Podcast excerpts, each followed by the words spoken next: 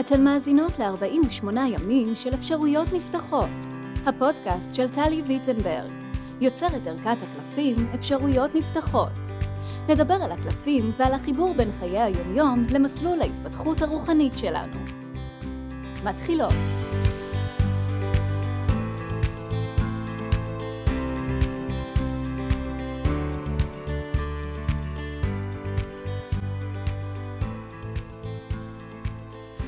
היי, ואיזה כיף שאתם כאן בעוד פרק של הפודקאסט 48 ימים של אפשרויות נפתחות.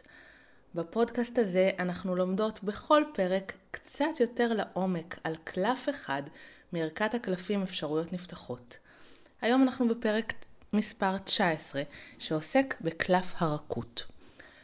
כמו בכל פרק אנחנו נקרא את הטקסט ואחר כך נדבר עליו ונרחיב עליו קצת יותר לעומק. אם את פה בפעם הראשונה, אז הפודקאסט הזה בעצם מבוסס על קלפי אפשרויות נפתחות, זאת ערכת קלפים שמאפשרת לכל אחת להתחבר לעצמה ולבנות את עצמה, ובעצם לדבר עם עצמה בלי תיווך חיצוני.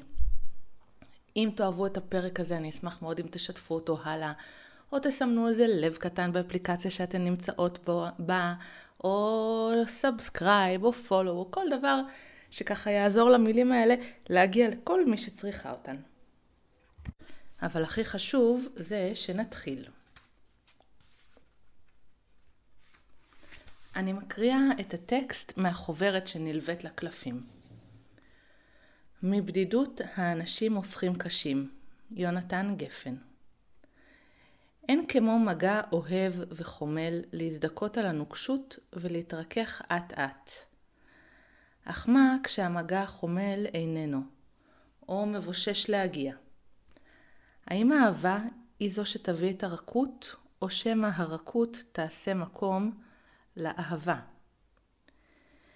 אי אפשר לדעת מראש או להסתמך על כך, אבל כל עוד האהבה מן החוץ איננה, שומה עלינו לרכך את עצמנו על ידי אהבה פנימית יזומה. כאשר אנו רכות, אנו נעימות יותר לעצמנו ולסביבתנו. אנו רואות את התמונה רחבה יותר, גמישה יותר, מלאה ביותר צבעים, זורמת יותר, קלה יותר לעיכול. קלף זה קורא לך להכניס רכות אל חייך בכלל, או אל הסיטואציה הנוכחית בפרט. הזיני את עצמך במגע רך, היי רכה אל עצמך, אל גופך, אל רגשותייך, אל האדם שמולך. כולם זקוקים לרכות, וכולם זקוקים להיות האדם שמעניק אותה. לפני שאנחנו נכנסות אל הטקסט ומבינות אותו יותר לעומק ומרחיבות את הרכות בתוכנו באמצעותו, בואו נסתכל למי שיש לה בבית את הקלפים, תסתכלו על האיור של הקלף. באיור של הקלף אנחנו בעצם רואות סוג של שלוש נשים, נערות, בנות, ילדות, מחבקות זו את זו. שהן בעצם ככה תומכות אחת בשנייה ויש משהו באווירה שם שהוא מאוד מאוד רך. אבל אם תסתכלו רגע יותר טוב, לא בדיוק בטוח אם זו מישהי אחת במגוון ורסיות, או, שזה, או שאלו בעצם שלוש נשים. ופה אנחנו נכנסות ממש ממש למהות של הקלף. אנחנו יצורים חברתיים ואנחנו ניזונים מבחוץ. וזה מעולה. אנחנו אמורים להיות בהאזנה הדדית, הדדית. אנחנו אמורות להעניק ואנחנו אמורות לקבל כל מיני דברים, בין השאר רכות וחום וחמלה. אבל הטקסט בקלף מדבר איתנו על מי מגיע קודם. האם קודם מגיעה הרכות שאני מגיעה, שאני מקבלת מבחוץ ואז אני מרגישה רכה יותר, או ש... ו... ויכולה להכיל יותר אהבה מבחוץ, או שקודם אני מקבלת אהבה מבחוץ וזה מה שמרכך אותי. כל מי שנמצאת איתי עכשיו ומקשיבה, בוודאי מכירה מקרים גם כאלה וגם כאלה. מקרים בהם משהו התרכך בי, בתוכי, וזה אפשר לדברים מבחוץ פשוט לגלוש אל תוך החיים שלי הרבה יותר בקלות.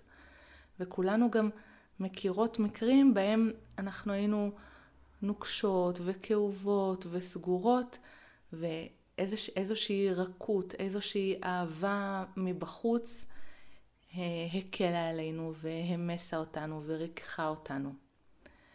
הטקסט של הקלף מתחיל בציטוט מבדידות האנשים הופכים קשים, שזה ציטוט של שיר של יונתן גפן, ואני מאוד רוצה להתעכב איתכם על הנקודה הזאת.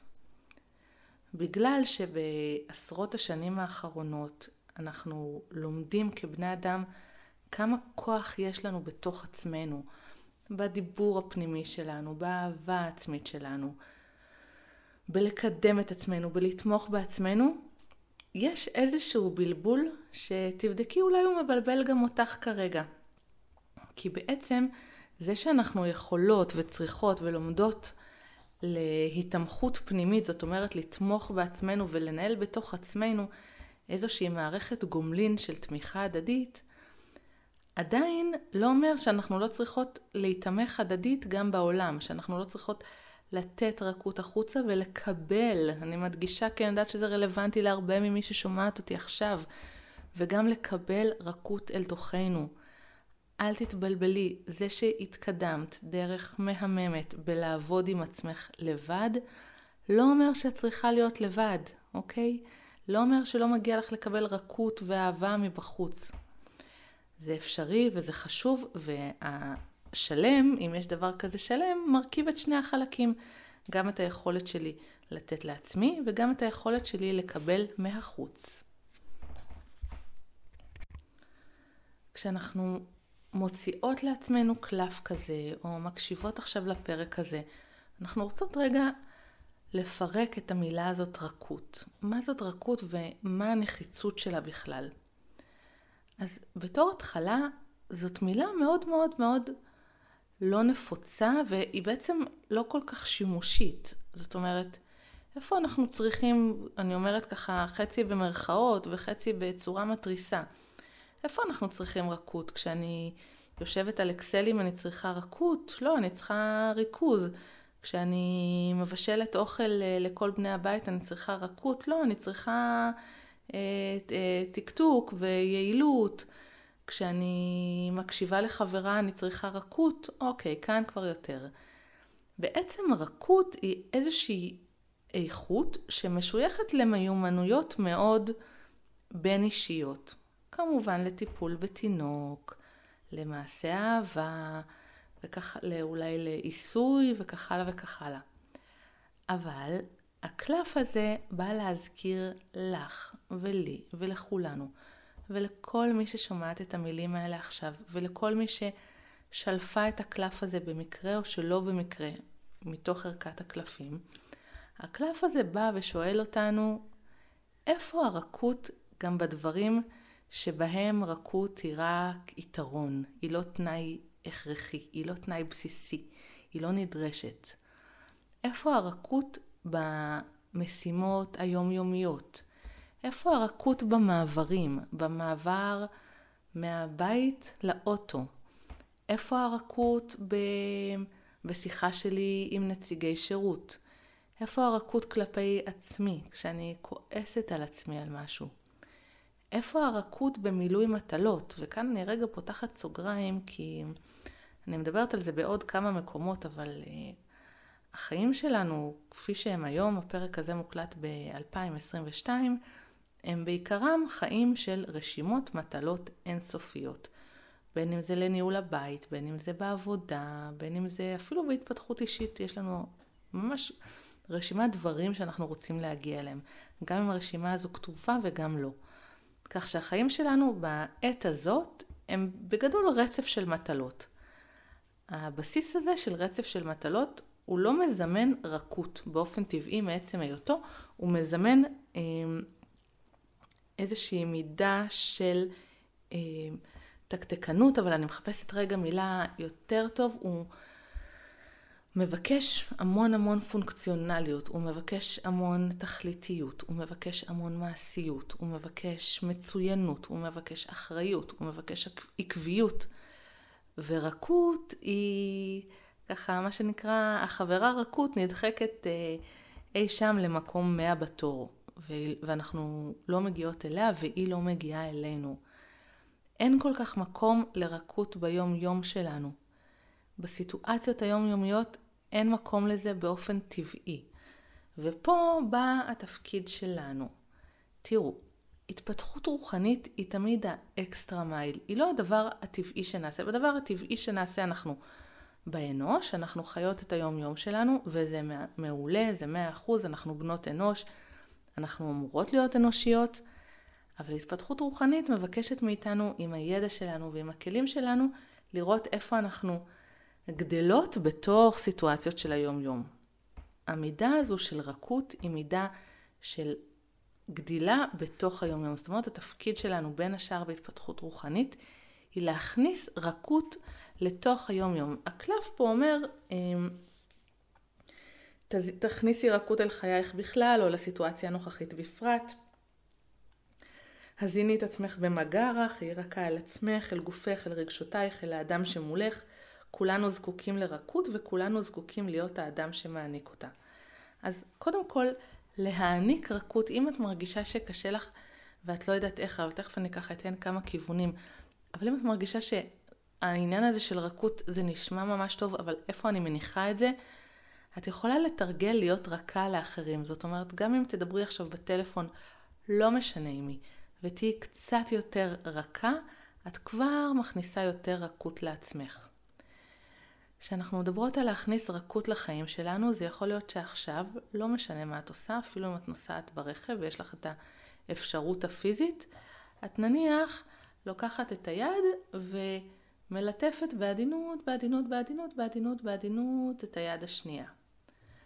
רכות זה יכול להיות שכשאת מתארגנת בערב, אמ, ככה לקראת שינה, ואת מסדרת את זה, ומסדרת פה, ומסדרת שם, את רגע מתיישבת על הספה, ואת לא פותחת את הטלפון, וזה קשה, אני יודעת, זה גם לי קשה, ואת פשוט רגע נושמת. את לא עושה מדיטציה, ואת לא עובדת בשום דבר, את רגע מכניסה איזושהי, איזושהי רכות לרגע הזה. רכות זה כשאת כועסת על עצמך על משהו, או מאוכזבת מעצמך ממשהו, ואז את מוסיפה בסוף המשפט, אבל לא נורא, אולי בפעם הבאה זה יהיה קצת יותר טוב. או שאת מוסיפה בסוף המשפט, אני יודעת שניסית, אני יודעת שרצית שזה ילך יותר טוב. אולי היית יכולה לעשות יותר, אבל לא נורא. איזושהי רכות בשיח הפנימי.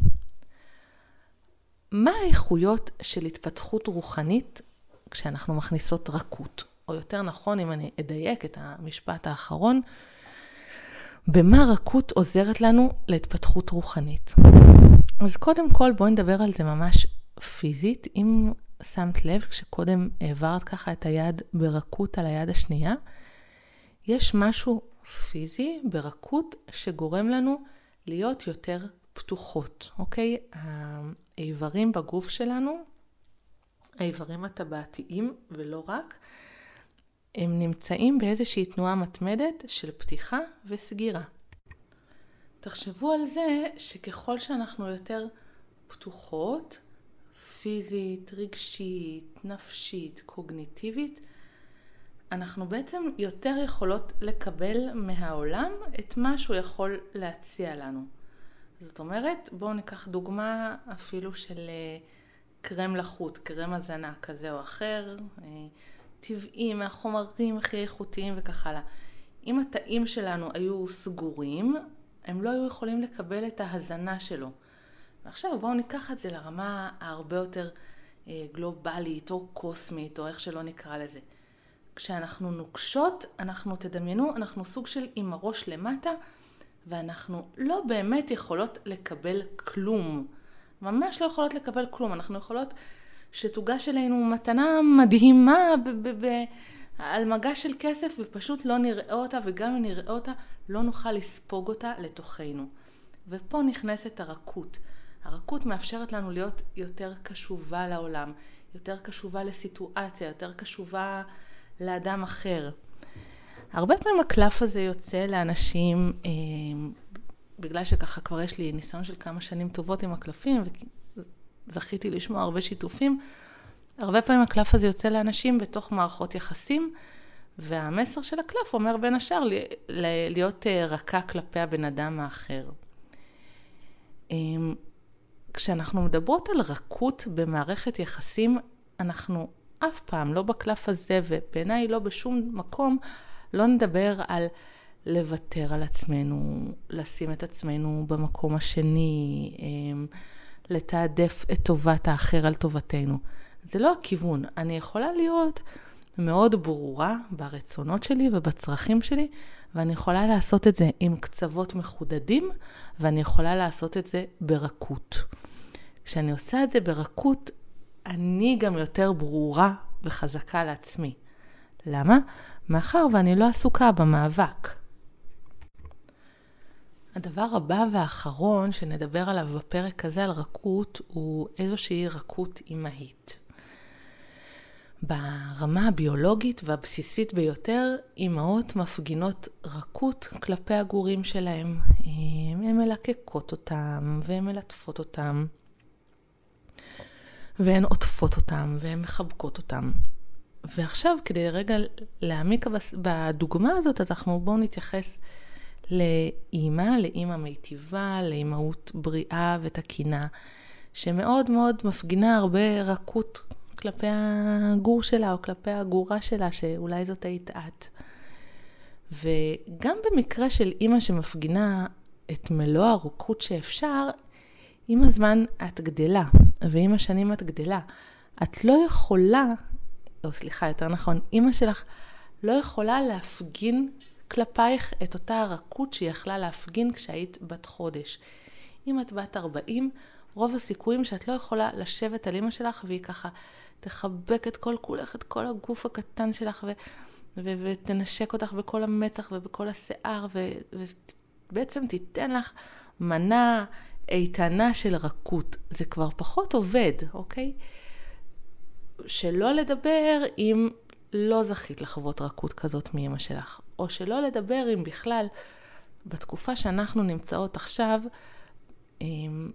אולי גם בתקופות אחרות, אני לא אכנס לזה כרגע, אבל אה, גם להיות אימהות, גם להיות אימא לתינוקת, זה גם זה דבר מאוד מאוד מאוד תפעולי. רוב האימהות לתינוקות שאני מכירה לא זכו לרשת תמיכה שאפשרה להם באמת להיות ככה באיזושהי רכות מלאה עם הילדים שלהם. אימהות במדינת ישראל נדרשות לחזור לעבודה מאוד מוקדם, נדרשות לתפעל את הבית, לדאוג לעצמן, לדאוג לילדים האחרים אם יש, כי אין רשת תמיכה שמונעת, שמונע, שמאפשרת את זה. ולכן הן בעצם הרבה יותר תפעוליות, ואתן זוכרות מה, דיברת, מה דיברנו קודם, יותר תפעולי, פחות רך. בסופו של דבר לא משנה כמה רכות קיבלנו מתישהו, התפקיד הזה של להיות רכות אל עצמנו עובר אלינו. האימהות שלנו מתישהו, גם אם הכל נפלא איתם במצב הקיצון, כי אה, יחסים של אימהות ובנות זה דבר הרי מורכב מאוד, אבל גם עם אפס מורכבות, התפקיד הזה עובר אלינו. כחלק מהגדילה שלנו וכחלק מההתפתחות שלנו. להפוך להיות האימא של עצמך במובן הרוחני, זאת גדילה מאוד גדולה בהתפתחות הרוחנית. את בעצם הופכת להיות, אם נניח היקום או אלוהים או לא משנה מה זה, משהו שהוא מעלינו, ברגע שאת הופכת להיות סוג של caregiver חומל לעצמך, את באיזשהו מובן מתאחדת, את עוברת לצד שלמעלה. זאת אומרת, אם התחלת בתור הצד ככה היותר ילדי, ואחר כך היית בנפרדות, בתחושה של מאוד מאוד לבד, את יכולה להקשיב לפרק הנפרדות, פרק מספר 4 אם אני לא טועה. והיית מאוד לבד, ועכשיו את עוברת להיות caregiver של עצמך, אז עוד פעם, זה כבר הולך שוב גם לאיור של הקלף. זה כבר לא רק את. הדבר הזה הוא לא חד-חד ערכי, הוא קצת יותר מופשט, הוא קצת יותר מורכב והוא קצת יותר מחובר לעולם, או ליקום, או לאלוהים. בעצם כשאת רכה עם עצמך וכשאת דואגת לעצמך, את בשיתוף פעולה עם העולם שמוביל אותך בדרכך ושולח לך סימנים ושולח לך רמזים ומיטיב עמך ומדבר איתך וקשוב אלייך אם את רק מסכימה ומנסה לדבר איתו ולהקשיב לו גם. אז הקלף הזה גם קורא לך להתחבר למקום הזה, להיות, כשאת תהיי יותר רכה עם עצמך באופן כללי, או בסיטואציה שבגללה את עכשיו מאזינה לפרק הזה, את תרגישי גם איזושהי חוויה יותר גדולה של אחדות עם העולם, מהסיבה הזאת שהסברתי כאן עכשיו. אז עד כאן לפרק מספר 19 שלנו, הפרק על קלף הרכות. אם אהבת את הפרק, את מאוד מוזמנת לשלוח לי הודעה באינסטגרם או בפייסבוק. את מוזמנת לשתף את הפרק הזה ברשתות החברתיות, כי רכות יכולה להועיל להרבה מאיתנו. אז תודה רבה רבה שהיית איתי עד עכשיו, ונתראה בפרק הבא.